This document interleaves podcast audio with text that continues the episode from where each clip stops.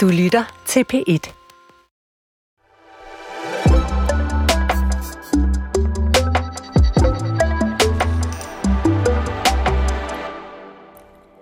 En gang var fremtiden noget med flyvende biler, onde robotter og rummad i tuber. Nu kan enmandsdroner være din næste taxa, en velfærdsrobot, din gamle mors mest kærlige sosu, og faktisk kan man allerede i dag sætte tænderne i en ribeye-bøf, der aldrig nogensinde har siddet på en ko. Fremtiden på P1 er nysgerrig på alt det nye. På den fremtid lige om lidt, hvor alle de opfindelser, tanker og teknologier, der stikker næsen frem i de her år, er en del af vores hverdag. I dag handler det om fremtidens krig. Ikke et tema, der ligefrem skriger af optimisme, men vi har alligevel bedt ChatGPT om at skrive et teknologifascineret krigsscenarie, som det kunne se ud i år 2123, altså om 100 år. En bred opgave til den kunstige intelligens, men ikke desto mindre et tværsnit af, hvad den kan finde på nettet, og som vi kan bruge som afsæt for en samtale. Jeg vandrer mellem holografiske lys, der skaber en symfoni af lysende drømme. Min by står ikke længere. Nu er der kun slagmarken, hvor robotter har erstattet soldater, og droner danser i himlen. Teknologien er blevet en hymne til fremskridt og redning. Droner svæver elegant i luften, udstyret med avanceret kamerateknologi og præcisionsbevægelser, som giver dem en frygtindgydende evne til at indsamle information og udføre angreb. Jorden under mine fødder ryster, da en svævende kampvogn suser forbi. På min krop smelter rustning og laser sammen.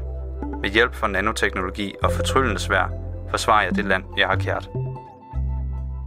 Peter Viggo Jacobsen, det øh, lyder næsten som en øh, fantasy-roman, det her.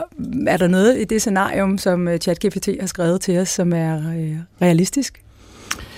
Altså, jeg er ikke sikker på, at jeg vil designe flyvende kampvogne på den måde, men det er klart, at droner vil komme til at betyde noget, øh, og rigtig meget af det, som vi bruger mennesker til i dag, det vil blive overtaget af maskiner, og du vil sandsynligvis også bruge kunstig intelligens, så de her øh, maskiner vil kunne træffe beslutninger om at skyde uden menneskelig øh, inddragelse. Jeg har nok stadigvæk svært ved helt at forestille mig en kampplads uden mennesker, fordi det, det, det giver ligesom ikke rigtig mening så. Den måde, man jo definerer krig på, det er fortsættelse af politik med andre midler, og hvis det bliver ren maskiner, så har det sgu ikke ret meget med krig at gøre længere. Og inden vi taler videre om det, øh, Peter Viggo Jacobsen, så lad mig lige øh, introducere dig øh, lidt nærmere. Lektor ved Institut for Strategi og Krigsstudier på Forsvarsakademiet, og jo altså som sådan en af de forskere, der interesserer sig for, hvordan krig kommer til at se ud i fremtiden, både i forhold til, hvem der udkæmper dem, og ikke mindst i forhold til, hvordan man så gør det. Jeg startede med at sige, at øh, vi ynder at tage den øh, øh, lidt optimistiske hat på, når vi kigger øh, på fremtiden i det her program. Det kan jo godt være et lidt absurd udgangspunkt, når nu dagens tema er krig. Krig er jo ikke noget, vi øh, som udgangspunkt er særlig optimistiske øh, omkring. Det er jo ikke, hvad man kan kalde en ønskværdig udvikling af en øh, konflikt. Så lad os lige begynde med at tale om, Peter Viggo, hvad handler krige helt grundlæggende om? Jamen, krige handler jo om, at man gerne vil skabe en bedre fremtid. Det, som ofte går galt i forståelsen af krig, det er, at det, man ikke forstår, det er, at krig faktisk er en forhandling med våben. Og det er derfor, det nogle gange går lidt galt, når vi taler om Ukrainekrigen, hvor man siger, hvorfor kan vi ikke bare sætte os ned og snakke om fred? Det er sådan set det, der foregår på slagmarken, for de to parker er i gang med at forhandle om, hvordan freden skal se ud. Men fordi de ikke kan blive enige, så skyder de efter hinanden. Og når de ikke længere kan, når de kan se på kamppladsen, at det ikke giver mening at blive ved med at skyde længere, ja, så kan det være, at man sætter sig ned og forhandler. Men i udgangspunktet, så bruger vi altså krig som et instrument til at nå nogle politiske mål for det kollektiv, som vi nogle gange repræsenterer. Så når jeg, øh, når jeg, når jeg nævner, at, øh, at det er svært at se optimistisk øh, på krig, er du enig? Det kommer an på, hvordan du vælger at se det. Hvis vi ser det på krigens vegne, så, har jeg meget, så er jeg meget optimistisk. Jeg tror, at krig har en strålende fremtid foran sig. Der var en gammel klog græker, der engang sagde, at kun de døde har set afslutningen på krig. Og der er desværre ikke noget, der tyder på, at krig kommer til at ophøre som et instrument til at fremme interesser i vores levetid. Og jeg tror også stadigvæk, det eksisterer om 100 år, hvis global opvarmning og klimaforandringer ikke har gjort en ende på det hele på det tidspunkt. Fordi vi kommer til at slås om de goder, der er, de privilegier, der er, den øh, verdensanskuelse verdensanskuelse. Ja, det er vi på vej ind i nu. Det er en ny konfliktfyldt fase, hvor USA og Kina kommer til at kæmpe om verdensherredømmet med alle, alle mulige midler, inklusive våben. Så, så det kommer til at i hvert fald at tegne de næste, de næste årtier. Øh, og, og, og vi ser jo, når vi går baglæns, hvordan øh, krigens karakter ændrer øh, ændrer, ændrer form, i, afhængig af, hvad det er for nogle politiske kollektiver, der kæmper, men også med de teknologier, som de kæmper. Og derfor giver det jo også god mening at prøve at spørge sådan en chat-GPT om, hvordan man forestiller sig, at teknologi vil påvirke den måde, vi kæmper på om 100 år.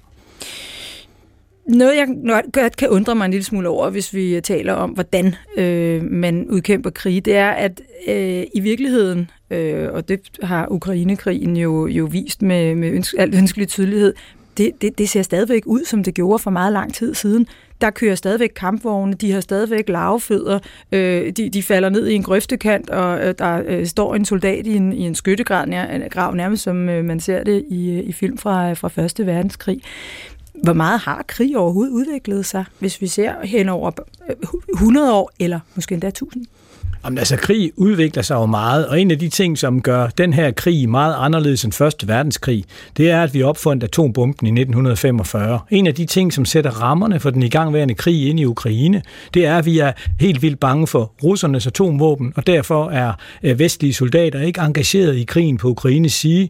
Det ville vi have været, hvis der ikke havde været atomvåben, og samtidig så tør russerne heller ikke eskalere krigen uden for Ukraine. Så der er stadigvæk nogle træk, vi kan genkende fra de gamle krige, nogle platforme som kamp, kampvogne, fly og andet, men det foregår stadigvæk på en helt anden måde, og det går rigtig meget hurtigere, end det gjorde under Første Verdenskrig. Mm. I dag kan man jo i løbet af meget, meget øh, nærmest minutter, fra at man identificerer et mål på slagmarken, så kan man øh, hvad det hedder, aktivere nogle artillerisystemer med henblik på at ramme det med meget stor præcision. Det kunne man ikke under Første Verdenskrig. Så man, så man, man kan sige, at rammen om det har, har, har udviklet sig, og det har den, øh, den, den store trussel, som man står med i, i venstre hånd bag om ryggen. Og selv, ja, og selvom vi synes, det her er en krig på en meget stor klinge med rigtig mange soldater og rigtig mange våben, så har, så har vi jo ikke mobiliseret lige så mange soldater, mm. som vi så under 1. verdenskrig eller 2. verdenskrig. Mm. Så selvom vi taler om 100.000 af soldater, så ville man, hvis man skulle kæmpe, som man gjorde i gamle dage, skulle bruge mange flere soldater, mm. end vi ser på både ukrainsk og russisk side. Hvad med, hvor meget rykker den forskning, der foregår, som du selv deltager i, hvor meget rykker den ved, ved den måde, som vi, øh, vi, vi fører krig i dag? Er det, er, det, er, det, er, det, er det fra jer, der kommer de her øh, øh skridt øh, frem i udviklingen? Men det, som jo i høj grad påvirker den måde, som krigen udvikler sig på, det er den teknologiske udvikling, som vi også ser med brug af kunstig intelligens, big data og alt muligt andet. Der er sådan set ikke så meget overraskende, når du sætter en herreofficer til at tale om det her i krigens døgn og stå med over på et terrænkort, så er det jo sådan set meget det samme, som man også ville have talt om for mange år siden. Men når du så putter de nye moderne teknologier ind over, ja, så sker der nogle ting. Det er utrolig svært at, kæmpe, at gemme sig på kamppladsen i dag. Mm. Det er derfor, du ser folk, og i dag kan du jo, han har sagt, smadre kampvogne med en enkelt drone med en sprængladning. Altså, der er nogle nye teknologiske muligheder, der gør, at man som soldat er nødt til at optræde på en helt anden måde, end man gjorde tidligere. Og det er vel der, jeg synes, jeg ser de største, de største ændringer. Øh, også den måde, hvorpå man med satellitter og andre kan gå ind og indhente viden om russernes bevægelser på en anden måde, end vi kunne tidligere. Lad os lige få øh, introduceret øh, dig også, Lars Bangers Struve. Velkommen til. Mange tak for det. Generalsekretær i øh, Atlant-sammenslutningen, øh, en øh, sikkerhedspolitisk tænketank, og også en, der rent faktisk laver noget af det, som vi taler om i dag, nemlig kigger nærmere på, hvordan er det, vi fører krig i fremtiden. Fordi når man skal købe sådan noget isenkram til, til den brug, så skal det kunne holde meget lang tid, og derfor så skal man også kunne forstå, hvad det er for et behov, det de skal, de skal stille. Øhm, lad os lige begynde et andet sted end lige med, med, med alle de her gadgets. Øhm, verden er på en eller anden måde vel øh, blevet mindre, hvis vi ser hen over de sidste, lad os sige, 30 år, øh, på grund af internet, på grund af, at det er nemmere at rejse osv. osv., osv. Øhm, set med globale øh, sikkerhedspolitiske briller, er, er det så godt eller skidt, øh, at vi er kommet så meget tættere på hinanden? Jamen, det er vel godt for den enkelte, at vi kan kommunikere. Det kan da også være for staterne, at, at vi tætter på hinanden. Det, det jeg sådan slagårsagtigt oplever lige nu, det er, at geografien er væk, og geografien er tilbage. Mm. På den måde, at øh, vi har fem militære domæner, land, vand, luft, rummet og cyber, og de tre af dem, de er jo klart tydelige fysiske, hvor at det det er svært det der med landjorden at, at, at, at, at høste det gode af, at vi er på internettet. Men, men både rummet og, og cyber er jo nogle øh, dimensioner, der både positivt og negativt er noget, der kommer meget tæt på os, og som derfor også er blevet militære områder, hvor at, at kampen kan udføres i. Og det gør jo altså, at, at det er svært at sige, om det er godt eller dårligt det her. Det er godt for mig, når jeg gerne vil bestille en flybillet, eller finde ud af, hvordan ser det der rejsemål ud, eller jeg gerne vil i kontakt med en, en forsker i Australien eller sådan noget, jamen så er det rigtig godt, eller familierne gerne vil, vil når de unge rejser ud, så holde hold fast i hinanden osv. Der er en masse gode ting i det, men der er jo altså også de her ting med, at uh, rejsetid er blevet meget kortere, og, og derved er konflikttid også blevet meget kortere. Mm, mm. Og, og, og øh, ens indblik i, hvad de andre har, som man måske øh, kunne forestille sig, at man gerne, øh, også gerne selv ville have, er vel også blevet øh, mere klar. Ja, men det er måske blevet lidt afromantiseret. Altså tanken om, at der flyder guld i gaderne osv., den, den har jo et eller andet sted, den har vi jo ikke længere. Men vi har nok en, en, en hvis vi kigger på, hvor, hvorfor nogen flygter fra Afrika eller fra Sydamerika, så er det fordi, de har denne her drøm om, at tingene ser anderledes ud mm. på den anden side af grænsen eller på den anden side af havet. Mm. Atlantsammenslutningen, som du altså er, øh, er, øh, er generalsekretær i, øh, har jo lavet en rapport ved navn Krig i fremtiden, nye og gamle udfordringer. Og der skriver du blandt andet, man kunne måske tro, at mellemstatslige krige ville forsvinde i det 21. århundrede, hvis denne tendens fortsætter lineært. Alligevel vil dette være en farlig antagelse, da det ikke afspejler den voksende supermagtsrivalisering mellem USA, Kina, Rusland og muligvis Indien – inden 2040. Øh, jeg blev sådan lidt øh, overrasket over, at der pludselig stod øh, Indien, fordi hvor, hvorfor er det egentlig, at Indien pludselig skulle ønske sig at, at, at gå i krig, eller få øh, se motiv til at gå i krig, bare fordi det pludselig er en supermagt? Altså ligger det i, i sagens natur? Jeg ved ikke, om det ligger i sagens natur, at vi bare går i krig med hinanden. Jeg vil sige, at menneskehedens historie er jo en lang øh, perlerække af krige, men, men vi kan se, at Indien er jo blevet en stormagt. Indien er en magt, der i stigende omfang har en voldsom nationalisme i sig. Øh, og når nationalismen rører på sig, så er det ofte noget, der ender ud i en eller anden form for konflikt. Og så skal man ikke glemme, at Indien og, og, og Kina har en lavintens konflikt kørende mod hinanden, hvor at, at der er altså oppe i nogle af de bjergeområder, hvor de deler grænser, altså så, så er der med jævne mellemrum, så, er der, så, så slår de hinanden ihjel. Ikke med ikke med skydevåben, men de skubber hinanden ud over klipper, eller de øh, kaster sten i hovedet på hinanden, eller gennemtæsker okay. hinanden med, med kæppe. Altså, så du har noget, der virkelig, virkelig er en primitiv form for konflikt, men hvor folk dør, og, og, og så i lange perioder, øh, i månedsvis, så sker der ikke noget, og så lige pludselig, så opstår der et eller andet. Øh, og det, det er bekymrende, og hvis jeg må komme med en lille historie, så for til 15 år siden underviste jeg på det britiske generalstabsakademi i Shrivenham, og jeg synes selv, at mit kursus gik ret godt, og så kommer der en, en indisk admiral op til mig, sådan, der da forløbet er forbi, og tænker, nu har jeg sagt et eller andet helt forkert, og jeg kommer til at træde en over tæerne eller et eller andet. Men han roste mig for mit indlæg, og det var sådan, en pyha. Og så sagde han sådan, og så skal du lige vide, Lars, at øh, i Indien, nogle gange bag lukkede døre, så taler vi i den indiske flåde ikke om det indiske ocean, men om indernes ocean. Og det var sådan for mig sådan en, en øjenåbner, fordi vi har i, i Danmark og, og i hele Europa talt om den kinesiske silkevej. Vi har diskuteret, hvorfor pokker vil kineserne sejle nordom og så videre, fordi det, det, er jo, det er jo bøvlet og alt sådan noget. Men, men da han fortalte mig det, så var det ligesom en øjenåbner for mig, at, at inderne har ligesom en nationalisme, der taler om, at at det her område, det er indisk, og det er deres interesser. Og når folk taler på den måde, og når vi hører, at Kina gerne vil være verdens ledende, eller en af verdens ledende magter i 2049, de her to stater har naboer med hinanden, så, så, så er der ligesom lagt desværre op til en eller anden form for konflikt, som det ikke er sikkert, at nogen af dem ønsker overhovedet, bliver til en konflikt, men som i kraft af, at man, man har en lavintens konflikt, i kraft af, at, man, altså, at konflikten går for at være krise, lidt småskænderier, lidt, øh, lidt, lidt skubben til hinanden til, at det så lige pludselig eskalerer. Altså det, den risiko er der desværre, må vi erkende. Men det er jo interessant at, i et program, der handler om fremtidens krig, at, at vi har en situation med folk, der skubber hinanden ud over klippen øh, på en meget øh, lavteknologisk manier, øh, som, som muligvis øh, kan være med til at, øh, at skubbe en, øh, en konflikt mellem øh, supermagter øh, i gang. Peter Viggo Jacobsen, er det bare sådan, at hvis der er supermagter, så er der også potentielt øh, konflikt eller krig?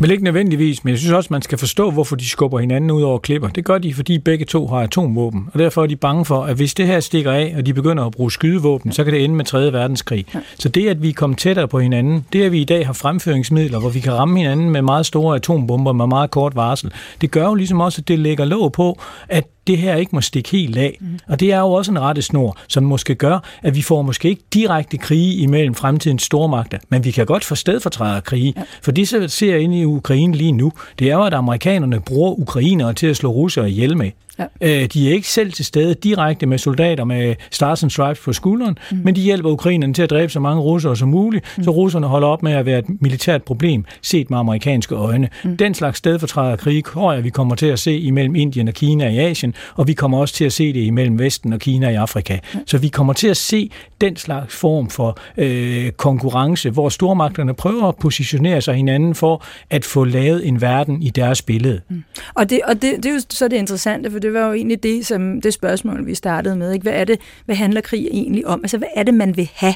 Er det, øh, som du siger, jamen, vi, vi vil skabe verden i vores billede. Vi vil have, at alle skal have det prægtige demokrati, vi har heroppe i, i det herlige ja, Skandinavien, eller hen i det øh, fine USA, eller hvad, altså, er det, er det det, vi kæmper for, eller for man hører jo ofte spekulationer i, at det i virkeligheden er noget meget mere materielt, man, man, man går efter, når man kaster sig ind i en konflikt. Hvad handler krig så om? Jamen, jeg tror, det handler om både og. Mm. Øh, og det er derfor, det er så, så svært at styre. Mm. Fordi hvis man går ind og læser, hvad Xi Jinping og Kina, øh, det kinesiske kommunistparti, har sagt øh, fra den 19. partikongres mm. tilbage i 2017 og frem efter, så er det altså en politik, der ligger en lille anden vej, der handler om konflikt imellem Vesten og Kina på nogle så basale ting, som hvad er det for en form for verdensorden, vi vil. Vil vi have et liberalt demokrati, eller vil vi have et, øh, et demokrati med kinesiske værdier, hvad delen det end er, men det er noget, som kineserne taler om. Mm. Øh, og russerne vil tale om en russisk forståelse af demokrati, hvad jeg heller ikke helt har den store lyst til at komme i nærheden af. Men, men det, er ligesom, det er nogle af de ting, der bliver lagt an til, og inderne har så deres helt egen verdensopfattelse. Og når de her forskellige typer af verdensopfattelse ligesom kommer på konkurrencemæssigt øh, op over for hinanden, så kan det gå rigtig galt. Men det lyder som om, der er rigeligt at, øh, at bekæmpe hinanden om øh, til mange, mange hundrede års krige, altså mineralerne, materialerne, verdensanskuelserne, altså det, vi i virkeligheden har øh, bekriget hinanden over i øh, adskillige menneskealder. Ja, og altså, øh, det, det er ondt lyme svært at tale positivt og, om krig og fremtid, øh, fordi at den, den de næste par 10 år nok står på storm. Ja. Øh, og, og at øh, jeg gik på universitetet i 90'erne, og vi havde alle sammen drøm om, hvordan nu skulle der være fred og fordragelighed, og ved vi lærte hinanden at kende, så skulle det nok gå meget bedre. Og der må jeg bare sige, at den, den ser jeg ikke lige nu, men, men som Peter Viggo han var inde på, afskrækkelse. Altså risikoen for, at det her går rigtig galt, gør, at ret mange nok holder sig i virkeligheden en hel del tilbage. Og det må man så sige, jamen der er vi så inde i at, at genopfinde et begreb øh, afskrækkelse, ikke bare den atomare afskrækkelse, men måske også i fremtiden. Øh, kan vi slukke for alting ud fra verdensrummet? Kan vi slukke for alting via cyber? Og det kan måske være noget af det, der, der går hen, altså at komme true med en meget stor militær magt, kan gøre, at man måske ikke kommer ud i de her konflikter.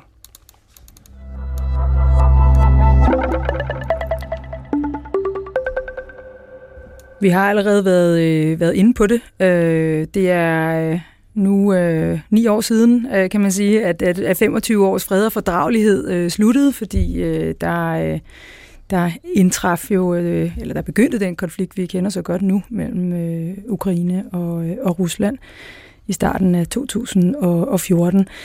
Øh, så var det slut med at, at tro, at, at verden var et, øh, et mildt og, og godt sted, og, øh, og nu er der regulær krig. Øh, Rusland har invaderet Ukraine som øh, bekendt. Lars Bangert Struve, øh, generalsekretær i Atlantsamslutningen. Hvordan vil du kendetegne den øh, jo stadigvæk moderne krig, om end med, med meget traditionelle elementer, øh, som foregår i Ukraine lige nu? Jamen, vi ser nok... Øh råskitsen til, hvordan de næste par års konflikter og fremtidige krige kommer til at se ud.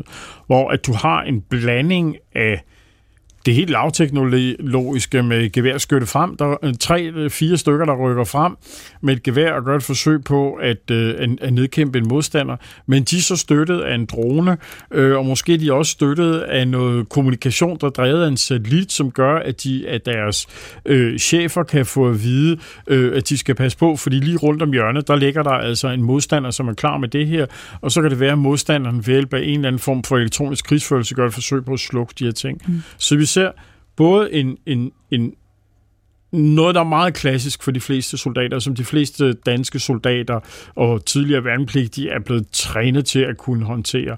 Men samtidig ser vi også de første øh, store glimt af, hvordan at dele af fremtidens krig kommer til at se ud med en blanding af øh, cyber, af rummet, af droner, der gør, at for eksempel luftdomænet er blevet helt, helt ændret, ikke? fordi at det var... Øh, for 20 år siden, så ville det have været jægerfly og nogle helikopter, mm. og, og nu er det jægerfly og helikopter og forskellige former for droner, droner i alle mulige størrelser, øh, og, og risiko for, at der er nogen, der gør et eller andet ved at lave et hack. Og, altså, det er blevet bare meget, meget, meget mere kompliceret øh, og, og, og vildt at opleve for dem, der er på kamppladsen.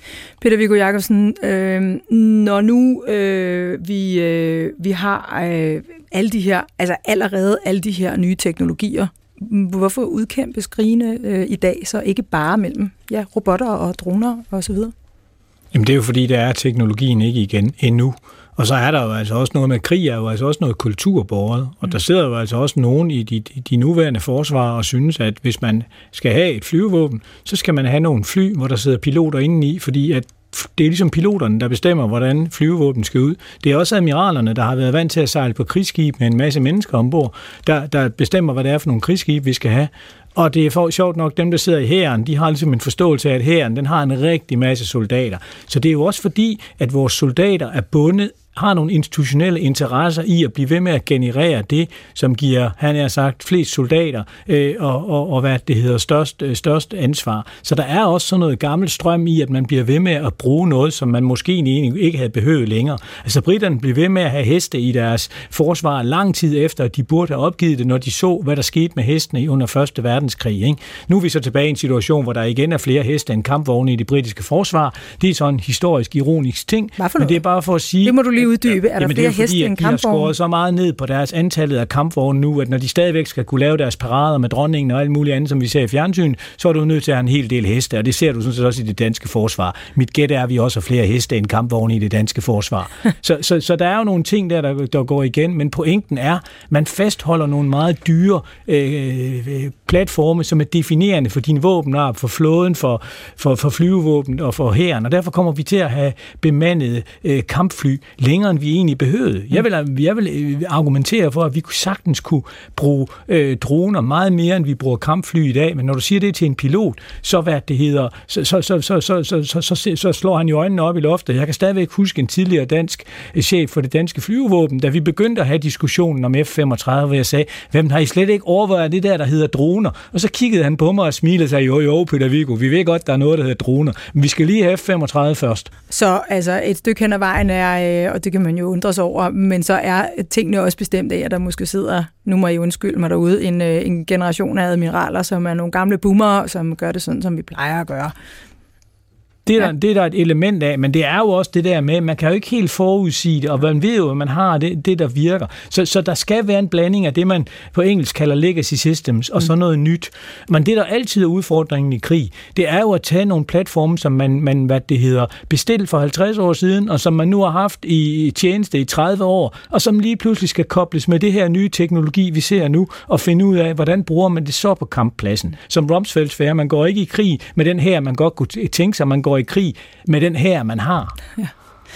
Øhm, Lars Bangerstruve, du, du er jo en af dem, som jeg sagde tidligere, som, øh, som, som øh, iler til med råd, når, øh, når, når forsvaret skal indkøbe øh, de ting, et forsvar skal indkøbe, hvad enten det er fly, eller det er våben, eller, eller andet.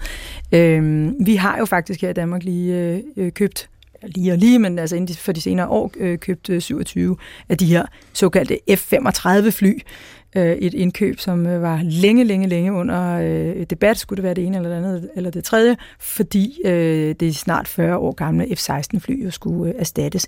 Øh, hvor stort et spring er det så ind i, i fremtiden at have valgt det her øh, F-35?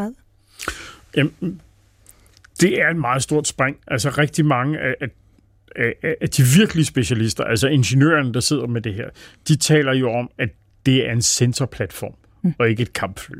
Og det tror jeg faktisk er en meget Hvad er god... det? Hvad er en sensorplatform? Jamen, jamen det er det, at, at du kan du kan bruge det ikke bare til at skyde på nogen eller bombe nogen. Du kan også opdage, hvad sker der. Og det betyder, at, at hvis når denne her F-35 bliver ansat i sin fulde kapacitet, sammen med for eksempel de danske frigatter, så vil det være sådan så, at F-35 vil kunne lægge op i skyerne og holde øje med, hvad der foregår. Den vil kunne sende signal ned til frigatten, der så for eksempel kan meget hurtigere nedkæmpe et indkommende missil. Mm. Og det betyder altså, at, at, at flyet deroppe kan meget mere, kan holde øje med meget mere, kan øh, fortælle meget mere, end bare det at være et et jagerbombefly. Så en dataindsamling øh, Det er dataindsamling og, og fordeling af de her informationer. Og det er også derfor, at, at, at som Peter Vigo han var inde på, men det kunne godt være, at man skulle have haft droner i stedet for. Det kunne være, at man kunne have købt det billigere. Øh, jeg tror, at, at der er noget, noget kulturelt, som gør, at man lige skal tage det roligt og finde ud af de her ting.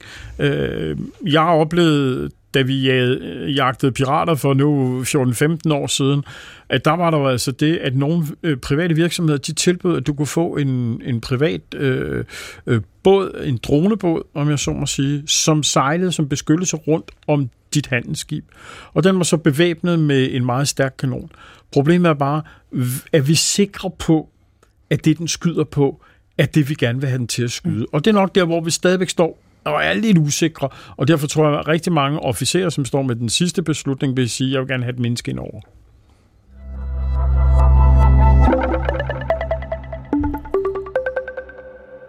I dag på Fremtiden på P1 taler vi om fremtidens krig, og det gør vi sammen med Peter Viggo Jacobsen, som er lektor ved Institut for Strategi og Krigsstudier på Forsvarsakademiet, og Lars Bangert Struve, som er generalsekretær i Atlantsamslutningen og jeg øh, hedder Mette Valsted Vestergaard. Øhm, nu er vi gået i gang med at tale om øh, gadgets, så øh, lad os endelig fortsætte den. Øh, vi kommer ikke uden om øh, øh, teknologi af forskellige art, øh, kunstig intelligens, øh, AI, øh, ofte refereret som, kommer til at være en del af, af fremtiden, og måske også er en del af, af nutiden i virkeligheden øh, inden for krig. Spørgsmålet er, hvor langt vi er, øh, om øh, robotherren sådan lige står øh, for trapperne, eller, eller det ligger længere væk, øh, og for at blive en lille smule klogere på, øh, hvad man overhovedet kan øh, i dag, og, og hvornår man kan noget mere i fremtiden, har vi øh, været ude og snakke med øh, Michael Linden Wørnle, som er øh, astrofysiker, øh, chefkonsulent på DTU Space og leder af DTU Spaces øh, dronecenter. Vi har jo lige snakket om droner, og det er altså særligt udviklingen øh, inden for lige præcis droner, som, øh, som han øh, fortæller om her. Droner er jo rigtig, rigtig mange ting. Øh, og det kan jo være alt for noget. Altså den berømte fluen på væggen. Altså du kan have droner, som ikke er større end et insekt, som for eksempel kan flyve ind øh, og sætte sig i et mødelokale og lytte med på en samtale. Øh, helt frem til, at det er droner på størrelse med øh, passagerfly, som selvfølgelig også kan være våbenplatformer og fremføre missiler eller bomber. Øh, så hvad er det for en opgave, du gerne vil løse, og, og hvad er det så for et værktøj, du tager op af værktøjskassen? Der er droner jo ikke øh, forskellige fra de ting, vi også bruger, som er bemandet. Øh, men altså, droner har selvfølgelig den fordel, at der ikke er mennesker med ombord. Så for eksempel meget små droner, øh, som for eksempel kan bruges til efterretningsindhentning, altså, eller, eller også bruges øh, taktisk, som man har gjort for eksempel i Afghanistan, hvor man havde små droner, der kunne flyve ind i, øh, i, landsbyer og andre ting for at se, øh, om der var nogen, der lå og prøvede at forberede et baghold. Så, så, så droner kan rigtig mange ting, og det igen, det afhænger af opgaven, det afhænger af, hvad du gerne vil bruge dem til. Hvordan tænker du så, at fremtidens drone kommer til at se ud? Det man kan sige, det er jo selvfølgelig en miniaturisering, det vil sige, at man kan lave ting mindre, øh, og mindre ting kan nemmere skjule sig. Men det er jo ikke det samme som at sige, at øh, det kun handler om, at vi skal have små droner. Men altså, store droner kan også have en, en fordel, både øh, hvis vi taler om noget, der flyver, eller noget, der kører. Altså øh, kampvogne, som, som er selvkørende, og, og hvad hedder det, øh, øh øvrigt kan agere fuldstændig autonomt øh, fly, øh, kampfly, som øvrigt fungerer fuldstændig autonomt. Alle de øh, behov, der er i den, øh, kan man sige, øh, på den militære ønskeliste, jamen der kan droner jo selvfølgelig spille ind det skal ikke ses som noget, der erstatter nødvendigvis bemandede kapaciteter, men som supplement, som gør, at øh, det ikke kun bliver en robotkrig, vi kigger ind i i fremtiden, men faktisk en, en krig, hvor, hvor droner og ubemandede systemer, at de, de supplerer de bemandede kapaciteter, så vi får mest muligt ud af de bemandede kapaciteter. så det vi kigger ind i en fremtid i virkeligheden, hvis man skal tale om sådan, den militære udvikling, det er jo i virkeligheden at se, hvordan opnår vi en synergi mellem mennesket og maskinen. Altså det her med, øh, og det lyder måske meget science fiction-agtigt, men sådan noget cyborg-agtigt, hvor vi siger, okay, altså vi mennesker, vi kan nogle ting, som maskiner ikke kan, og selv ikke de kraftigste computer. Computer er rigtig gode til at bearbejde enorme datamængder, men vi mennesker, vi er rigtig gode til at træffe meget hurtige beslutninger ud fra den erfaring, vi har. Så det her med at lave cyborgs, altså hvor vi får en, en kombination af mennesker og maskine, således at du ser dronen som menneskets forlængede, ja, hvad det nu måtte være, øh, kropsdel, øh, i forhold til, at man har sådan en form for cyborg, så at du bliver en, en del af dronen, og at, at, at soldaten så også øh, har dronen som en del af sig selv. Øh, det kan både være i forhold til, at dronen kan hjælpe soldaten med at have bedre overblik over trusler imod soldaten, men også at øh, dronen kan bruges simpelthen til også at neutralisere de her trusler, øh, således at, øh, at, at, at mennesker og maskine på en eller anden måde smelter lidt mere sammen. Ikke? Det, det er nok det næste skridt, vi kommer til. Altså, vi kommer til at se egentlig i sådan en fremtid med sådan noget øh, cyborg-agtig tilgang. Ikke nødvendigvis, fordi vi forestiller os, at vi begynder at have så folk, der er halvt maskine og halvt, øh, halvt menneske, men, men at vi kommer til at arbejde hen imod en fremtid, hvor der er en langt større integration af, hvad mennesker gør og hvad maskiner gør, øh, både civilt, både i forhold til vores almindelige hverdag og løsning af vores almindelige hverdagsproblemer øh, og udfordringer, men, men også i forhold til den militære opgaveløsning. Og at det er noget, der bliver forsket i i dag? Det er noget, der bliver forsket i i dag, i den grad, ja. Også i Danmark? Øh, også i Danmark, ja. Så der snakker vi ikke om sådan super lang tid i fremtiden. Det lyder som den relativt nærme fremtid. Det er jo altid et spørgsmål, hvor lang tid der går, inden ting kan blive klar til at blive brugt. Men altså, det er jo noget, som, som er på vej. Og, og det er det næste skridt, det er det, der med at få de bedste for de, for de to verdener, altså have systemer, som er ekstremt agile, ekstremt øh, fleksible, ekstremt robuste, øh, kombineret med den menneskelige evne til at øh, kunne øh, vurdere situationer, træffe beslutninger, øh, det, det der partnerskab, det virkelig giver mellem mennesker og teknologi, at det er virkelig der, vi er på vej hen. Ja, det kunne uh, Stanley Kubrick have instrueret bedre, det her. Altså sådan uh, soldater med, uh, jeg ser for mig exoskeletter og integrerede droner, og, og, og vi ved ikke om, der var engang, man forestillede sig, at at det, computeren ligesom var øh, inde i en brille, man, øh, man bar og, og, øh, og sådan noget. Øhm, du var inde på det før, Peter Viggo Jacobsen. Vi, vi ser ikke øh, krige udkæmpet mellem droner og robotter nu, og måske heller ikke lige om lidt, fordi der er både en øh, generation af dem, der styrer krigene, som måske godt kan lide at betjene sig af, af nogle lidt ældre teknologier, men måske også fordi man i virkeligheden, det ligger i, i krigens kultur, at man skal altså skade nogen i virkeligheden for at, at, at udøve det pres øh, som, som det også skal være at, at gå i krig. Hvornår, hvornår ja, kan man forestille sig Vi, har jo ingen en, øh, problemer med at bruge teknologier til at skade andre mennesker, så vi nej. ikke selv bliver skadet. Alt det, det, vi har excelleret i i Vesten, det er jo at prøve at skabe nogle systemer, så vi kan dræbe på sikker afstand. Ja. Det er så lidt træls, når vi bliver lukket ud i nogle marker og så videre, hvor vi så bliver nødt til at slå os mand til mand, og så begynder vi at dø af det igen. Så det er jo det, vi har prøvet at, at, at, at, at finde et teknologisk fix til. Det er så ikke lykkedes, og det er svært. Men jeg tror også, at når man går til det på den her måde, som det bliver forklaret her, ikke, så er det jo fordi, at vi har ikke teknologien endnu ja. til at tage det næste skridt. Men om 100 år, så har vi den teknologi. Men er, men er, vi ude sådan, vi er, er det så langt et perspektiv, der er på, at det hedder 100 år, eller er det. Nej, nej, men det var bare for at sige, nu, nu var ideen jo det her med, hvordan ser krig ud om 100 år. Det var ligesom afsættet for den her udsendelse. Og der jeg siger, når vi er ude på den horisont, så kan jeg ikke se nogle teknologiske begrænsninger for, at vi ikke har maskiner, der skyder og dræber uden der er en human, et menneske i, i, in the loop, som man siger. Mm. Så der kommer vi ud og skal forholde os til det her med, vil vi have nogle maskiner, der slår ihjel, uden at de skal ringe og spørge et menneske først.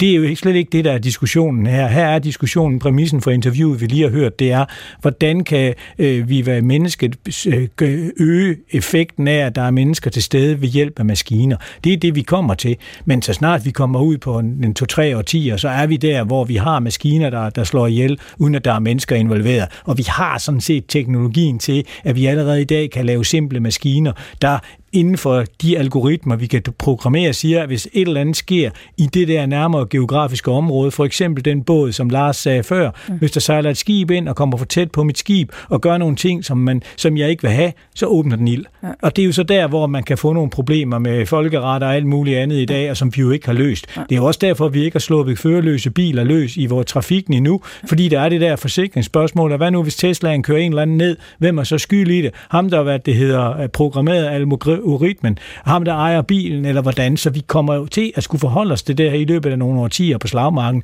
Men hvis man nu står i Rusland og er ved at tabe en krig, og man har teknologi til at kunne smide sådan nogle robotter ind på kamppladsen, så tror jeg, de er rimelig ligeglade med, om folkeretten bliver overholdt eller videre. Så der vil komme situationer, hvor magter med den her teknologi formåen mm bliver presset til at kaste sådan nogle systemer her ind for at prøve at undgå at tabe og for at undgå at skulle ty til atomvåben. Mm. Så det kommer om ikke så lang tid, er jeg bange for. Lars Bangerstrup, nu, nu bliver det måske en lille smule øh, filosofisk, men altså hvis det alligevel bare er robotter, der slår hinanden ihjel, øh, mens de flyver rundt i nogle droner, altså egentlig materiel, der begår øh, her på hinanden. At, at, at, altså har man så overhovedet den effekt af at gå i krig, som det var meningen, man skulle have? Der er nok flere positioner på den. Ikke? Altså, den ene er, at så har vi ikke lyst til at gå i krig, fordi så går der hen og bliver ligegyldigt, fordi at så, så, så er det ikke det. det. Det er jo nok der, hvor optimisten vil placere sig. Ikke? Og så har du det, jamen, jamen, jamen, så kan vi udløse krige meget hurtigere, og så tror jeg nok, at jeg har sådan den, den, den, den tredje vej, som nok er, er mellemvejen, der hedder, jeg tror ikke på, at vi har krig, uden at det på en eller anden måde berører mennesker. Mm uden at det på en eller anden måde kommer til at koste et eller andet for mennesker. Mm. Øh, og man designer sine våben til at gøre det, fordi ellers så giver det ikke mening, øh, øh når nu vi siger, at, at krig er, er, er en sammenbland, har, har en, en samme eksistens med politik. Øh, krig i sig selv er, er, er meget sjældent. Det har noget at gøre med noget politik eller nogle interesser. Så, så så der skal ligesom være en eller anden varetagelse af nogle interesser, varetagelse af noget politik eller sådan noget, som gør det her. Men, men vi kan jo sagtens opleve så noget, noget, der går hen og bliver helt forfærdeligt, ikke? at man gør et forsøg på at smadre hinandens byer, eller øh, hvis du ikke har soldater, men så har du stadigvæk øh, civile borgere, som du så kan rette krigen imod. Ikke? Altså, øh, hvis vi går tilbage til 1800-tallet, der øh, opfinder Gatling et maskingevær. Mm. Og han påstår selv, om det er virkelig eller ej, det, det, det er et godt spørgsmål, men han, han, han siger ligesom, jamen han så, at hans maskingevær kunne udgøre det tryk, som 100 mand kunne lave militært. Så det gjorde, at så mente han, så kunne der være 100 mand mindre på, på slagmarken. Mm. Men virkeligheden blev jo, jamen, så kunne du have 100 mand, der bare kunne slå meget mere ihjel. Og jeg tror i virkeligheden, det er den frygtelige del, at vi kommer til at kigge ind i i fremtiden, at, at krig vil fortsat eksistere, og det vil fortsat være ufatteligt blodigt, være ufatteligt ubehageligt, øh, og hver gang vi opfinder et eller andet, så har vi en eller anden måske teknologifetishisme, som siger, jamen, jamen så kan det gå hen og, og løse en masse ting for os, men det gør det bare mere blodigt, mere ubehageligt. Mm. Mm. Altså, der er jo ikke nogen tvivl om, at krig i fremtiden også vil blive rettet mod mennesker, for hvis det er krig, som vi forstår det, så handler det jo om at påvirke andre menneskers beslutninger, de mennesker, vi ikke kan lide.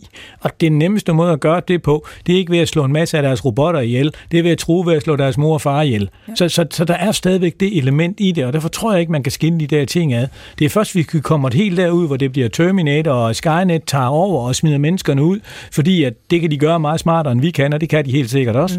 Mm. Øh, men, men, men, men det er først der, at det, så bliver det noget helt andet, men så er det heller ikke rigtig krig på den måde længere, fordi så er mennesker der ikke en del af det. Nej. Vi, øh, vi skal også tale lidt om, øh, om nogle begreber, som, øh, som, som vi har nævnt øh, i, i starten, nemlig øh, noget, vi hele tiden hører i forbindelse med omtalen af øh, Ruslands invasion af Ukraine, nemlig hybridkrig, cyberkrig, proxykrig. Øh, Peter Viggo Jacobsen, du sagde før, at, øh, at den her krig, det er jo i virkeligheden øh, amerikanerne, der, der bruger ukrainere til at slå russere ihjel med. Øh, altså proxykrig, man, ja. man, man fører krigen gennem øh, nogle andre. Gennem en stedfortræder, så vi får stedfortræderkrig, ja. Ja, ja. Dem har vi vel øh, mere end en af kørende i verden for tiden. Ja, det kan du, det kan du, det, det, kan, det, kan, det kan du jo godt sige. Altså, man, kunne jo, man kunne jo også sige, at det, vi lavede i Syrien, var sådan set også en sted for krig, og der er også dem, der vil hæve, at det, der sker i Libyen i øjeblikket, det er Rusland og Tyrkiet, der fører proxykrig imod hinanden, eller sted for krig. Mm. Så du kan godt komme ind og nævne et antal af de her konflikter. Man kunne også argumentere Hvem er det, der slår, egentlig slås i Syrien så, hvis man skal tage den? Jamen, det, nu er vi jo ved, nu er vi jo holdt op, men, men, men, men det starter jo egentlig med, at der er nogen, der gerne vil af med det siddende regime, og det er jo især nogle af de arabiske lande, det er Saudi-Arabien, det er Tyrkiet, og det er sådan set også de vestlige lande. Og så er der øh, Iran og, og Rusland, som gerne vil have, at, at, at Assad bliver siddende, for det passer bedre ind i det magtpolitiske spil og de interesser, de har i Mellemøsten. Og på den måde så går, de, så går vi ind og støtter hver sin hest i konflikten. Mm. Og det er det, der gør, at krigen bliver så forfærdelig og så langvarig, og der dør så mange mennesker, mm. at der er folk på begge, eller aktører på begge sider, der hjælper begge parter med at slås videre, end de ville have kunnet, hvis de ikke havde fået hjælp udefra. Mm. Øh, så, så, så det, det er jo ret, det er jo, altså der er langt de fleste af, af de øh, krige, vi ser i verden i dag, er om ikke decideret stedfortræderkrig, så i hvert fald internationaliseret, forstået på den måde, at mange af de krige, der er i Afrika, der er der en stat, der ikke virker, der er der nogle forskellige aktører, og så er der aktører uden for den her stat, der har nogle interesser i, hvem der skal vinde, eller hvem der i hvert fald ikke skal vinde, og går ind og støtter parterne. Mm. Og det er jo også en af de krige, som vi måske også lige skal huske at have med, for nu taler vi meget om Ukraine, og vi taler, og det er en slags krig, nemlig krig med stormagtsengagement, men der kommer til at være masser af konflikter i Afrika, som vi egentlig ikke rigtig interesserer os for, og hvor folk slår hinanden ihjel med, hvad det hedder, meget mere simple øh, metoder og midler. Hvem er det, eller hvad, eller hvem er det, man beskytter ved at lade nogle, øh, en stedfortræder øh, føre øh, krigen mod fjenden, i stedet for selv at gøre det? Lars Bangerstrude? Helt basalt så, så er der to ting. Den ene er, at du beskytter dine egne. Hvis, hvis, hvis vi nu fører en stedfortræderkrig i, i et andet sted i verden, så beskytter vi vores egen befolkning fra at lide tab. Det er ligesom den ene del af det. Den anden del af det er også, at du gør et forsøg på at undgå, at konflikten vokser sig for stor. Ja, du får lavet en boksering. Hvor du får lavet en boksering, hvor I, de der ting bliver, bliver, bliver, bliver afklaret. Mm. Øhm, og, og det tror jeg er i høj grad noget af det, vi kommer til at se i fremtiden. Og det er ikke kun i Afrika. Øh, jeg tror altså også Mellemøsten, hvor USA betyder mindre og mindre, mm. øh, at det kommer til at være sted for krig. Vi ser, hvordan øh, Saudi-Arabien og, og, og Iran øh, er på hver deres side i konflikten i borgerkrigen i Yemen for eksempel, ikke? Mm. Øh, og, og hvor borgerkrig mm. går hen og bliver til noget meget, meget modbydeligt noget, fordi at der er nogen, der føder ting ind, de føder våben ind, de føder øh, midler ind, sådan, så man kan blive ved med at køre den her borgerkrig. Har det, har det altid været sådan? Er stedfortræder krig noget, der har eksisteret så længe krig har eksisteret, eller er det noget, vi ser mere og mere og mere af? Det er i hvert fald noget, vi har set i, i, i, i mange hundrede år. Ja. Øh, og, og, øh, og får vi mere af det? Er der nogen grund til at tro det? Ja, det er der jo ikke nogen tvivl om, vi gør. Vi får en konflikt jo mellem Indien og Kina, vi får en imellem Kina og Vesten, vi får øh, konfrontationer i Afrika, sandsynligvis også i Sydamerika, og sandsynligvis også i Asien. Og i og med, at vi ikke tør gå i direkte krig med atombevæbnede modstandere, så bliver vi nødt til at gøre det indirekte. Så jo, så jo, jo, jo, øh, jo skarpere teknologi vi får, jo mere har vi brug Nej, for det har noget at gøre med de, de relationerne imellem stormagterne. Hvis, hvis Kina og, og USA havde fundet ud af at dele øh, verden på en mindelig måde, og ikke konfliktet om, hvordan det skulle gøres, så kunne man jo godt forestille sig en situation med samme eksistens, hvor der ikke ville være så mange stedfortræderkrige. Men når man kommer ind i en meget intens konkurrence om, hvordan den verden fremover skal indrettes, og hvor amerikanerne vil gøre det på en måde, og russerne og kineserne vil gøre det på en anden, ja, så kommer man til at bruge øh, stedfortræderkrig som et virkemiddel. Mm. Så det afhænger af relationerne imellem stormagterne. Der ser man måske bedst illustreret ved, når vi kigger på EU i Europa. I gamle dage, ikke, der var Frankrig og Tyskland og så Storbritannien, da de også var en del af EU, de gik jo i krig hele tiden. Vi gik også i krig med Sverige hele tiden. I dag har vi fundet en anden måde at håndtere det på. Mm. Så det afhænger også af, hvilke relationer der er imellem stormagterne.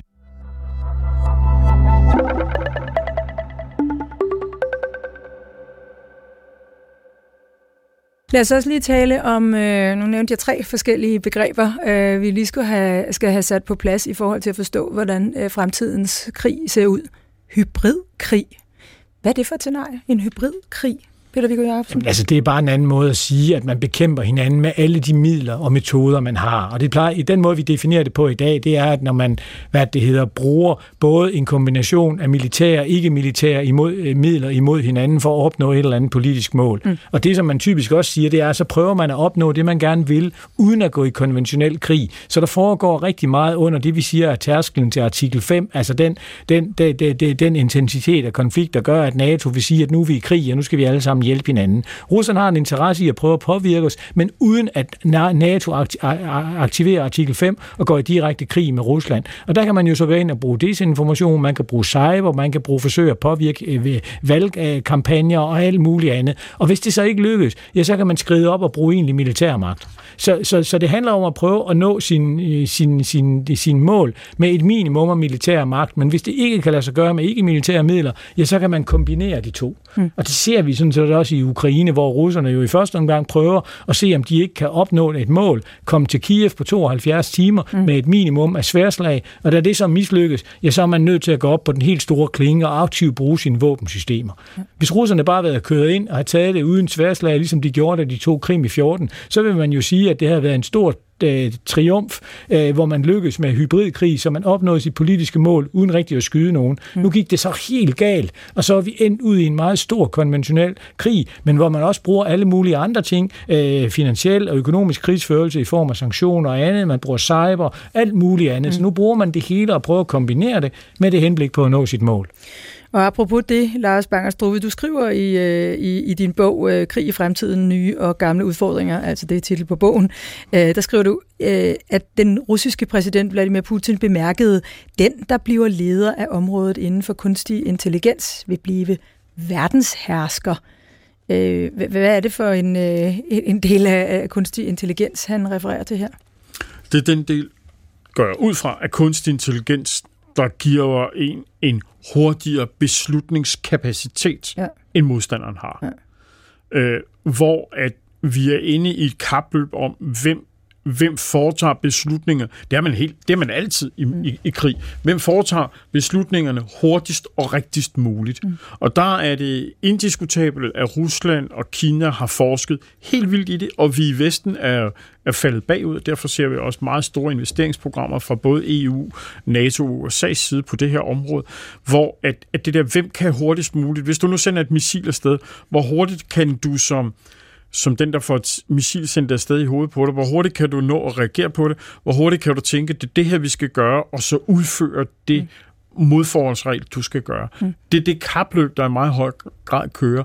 Og på et eller andet tidspunkt, altså sådan helt, helt øh, abstrakt, så kan man sige, at hvis vi når frem til en erkendelse af, at modstanderen har bare en beslutningshurtighed og kompetence, som er meget højere end vores, så har vi faktisk tabt, inden vi overhovedet går i gang. Hvem, er, hvem fører det kapløb lige nu?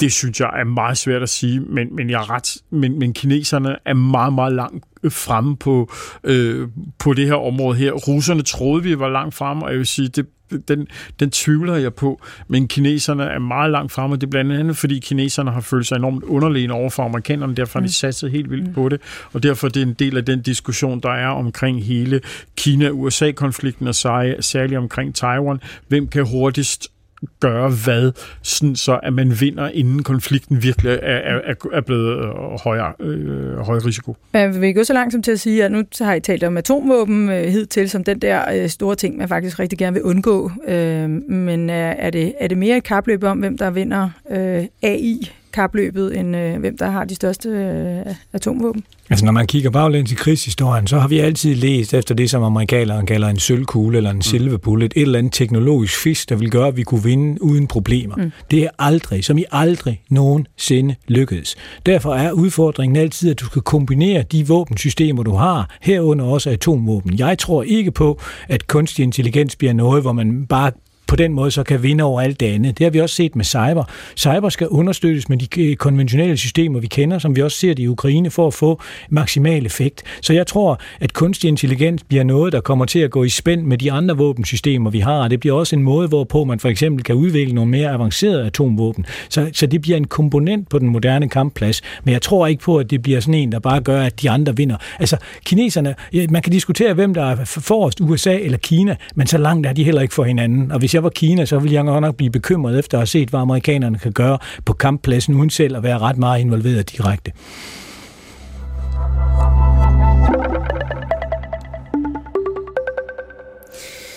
Vi øh, taler om øh, krig, fremtidens krig i dag, øh, i fremtiden på, på B1, og vi har både talt om de skal vi kalde det gadgets, de teknologier, som fremtidens krige må formodes at, at blive kæmpet med og hvem der kommer til at kæmpe supermagterne, og øh, hvem er de så? Ja, der er øh, nogle nye supermagter øh, i, i støbning øh, i form af blandt andre øh, Indien, og øh, der er nogle proxykrige på vej, må vi formode, blandt andet i, øh, i øh, Afrika og i Sydamerika. Og det øh, her, det gør vi øh, selvfølgelig sammen med øh, Peter Viggo Jacobsen, lektor ved Institut for Strategi og Krigsstudier på Forsvarsakademiet, og med Lars Bangert Struve, som er generalsekretær i Atlantsammenslutningen. Vi startede det her program med at sige, at vi var øh, optimistiske i forhold til øh, teknologi. Øh, og så øh, måtte vi jo sådan øh, lige øh, modificere det lidt, for det er lidt svært at være optimistisk, når nu engang temaet er krig, selvom du, Peter Viggo Jacobsen, sagde, at du tror, at krig har en strålende fremtid yes, øh, teknologien giver os uendelige muligheder ja. for at slå ihjel på mere ja. avancerede måder. Ja. Øh, hvis nu vi i stedet for øh, siger, hvad, hvad nu hvis vi kunne bruge øh, teknologien og måske historien til at forhindre øh, krig. Øh, kunne, øh, øh, kunne historien og den teknologi, der er til rådighed, øh, egentlig hjælpe os med at undgå krig? Altså at lave en fredelig verden, hvor ingen slog hinanden ihjel.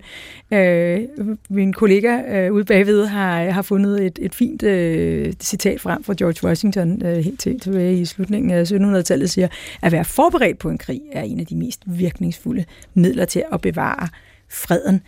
At være forberedt på krig er jo selvfølgelig også at kunne de teknologier, beherske de teknologier, der er. Kan man forestille sig, at de faktisk kan bidrage til at skabe fred, i stedet for at lave krig? Lars Bangerstrud. I den yderste konsekvens, hvis det hele er blevet mekaniseret, så kan du selvfølgelig lægge en, en algoritme ind, som siger, at du må ikke gå i krig. Den tror jeg bare ikke på. Hvorfor? Jamen, fordi at man, man, man, som politiker og som befolkning, så vil du gerne have det magtmiddel Fordi til det stadig er forhandlingen, ja. der, der slutter det, eller ja. starter der, om man siger. Øh, men hvad vi ikke skal glemme, det er, at forskningen i militærteknologi har givet kæmpe afkast til civilsamfundet. Mm. Øh, og øh, for eksempel hele proteseindustrien har fået boost øh, efter 1. verdenskrig, fik boost efter 2. verdenskrig, og har efter Afghanistan og Irak-krigene fået kæmpe boost. Altså det, det, de kunstige lemmer, man kan give mennesker, mm. er, er helt vildt. Øh, jeg har selv været igennem noget, noget plastisk operation, ikke kunstig lem, men plastisk operation, og har derfor siddet øh, nørdet, som jeg nogle gange er, og har så ligesom kigget op på, hvad er, er historien bag plastikkirurgi.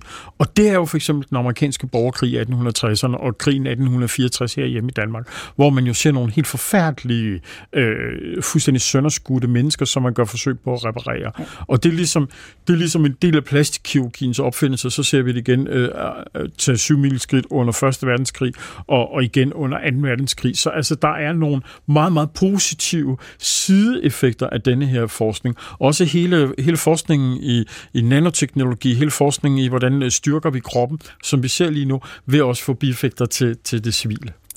Og, og lige præcis det tema kommer vi faktisk til at, øh, at tage fat på i en anden af, af den her øh, udsendelsesrække. Peter Viggo Jacobsen, øh, kan, kan, kan de teknologier inden for øh, krigsførelse, som vi ser, øh, som vi ser på, eller ser udvikle sig nu, kan det hjælpe os til at holde op med at slå hinanden ihjel i krig? Jeg ved ikke, om de kan få os til helt at holde op med at gå i krig, men de kan i hvert fald få os til at regulere krig, og de kan få det til at opstille nogle spilleregler for at undgå, at det stikker helt af. Og det er jo det, vi har set med atomvåbne. Der er jo en grund til, at den kolde krig forblev krig, forblev kold. Det var fordi, at USA og Sovjetunionen var bange for hinandens atomvåben. Så der ser du helt klart en teknologi går ind og begrænser risikoen for krig. Du ser også, at vi opfinder FN efter 2. verdenskrig igen i forsøg på at lave nogle politiske rammer, der skal forhindre udbrud af 3. verdenskrig. Så selvom vi ikke helt kan stoppe krig, så kan vi godt et stykke hen ad vejen regulere krig og sørge for, at skaderne, der sker ved krig, bliver bliver så små som muligt. Og det er jo også det, vi bruger krigens love til. Så det er jo ikke sådan, at vi ikke lærer af krig og ikke prøver at regulere det. Så, så, så på den måde kan man godt tillade sig at være en lille smule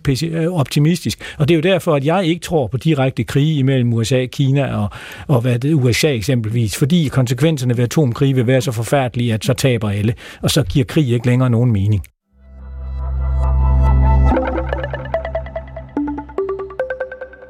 Vi har en, øh, vi har sådan en, en fast øh, slutning på det her øh, program, som øh, øh, minder lidt om starten. Vi, øh, vi startede nemlig med at øh, bede øh, ChatGPT om at, øh, at skrive et krigsscenarie for os.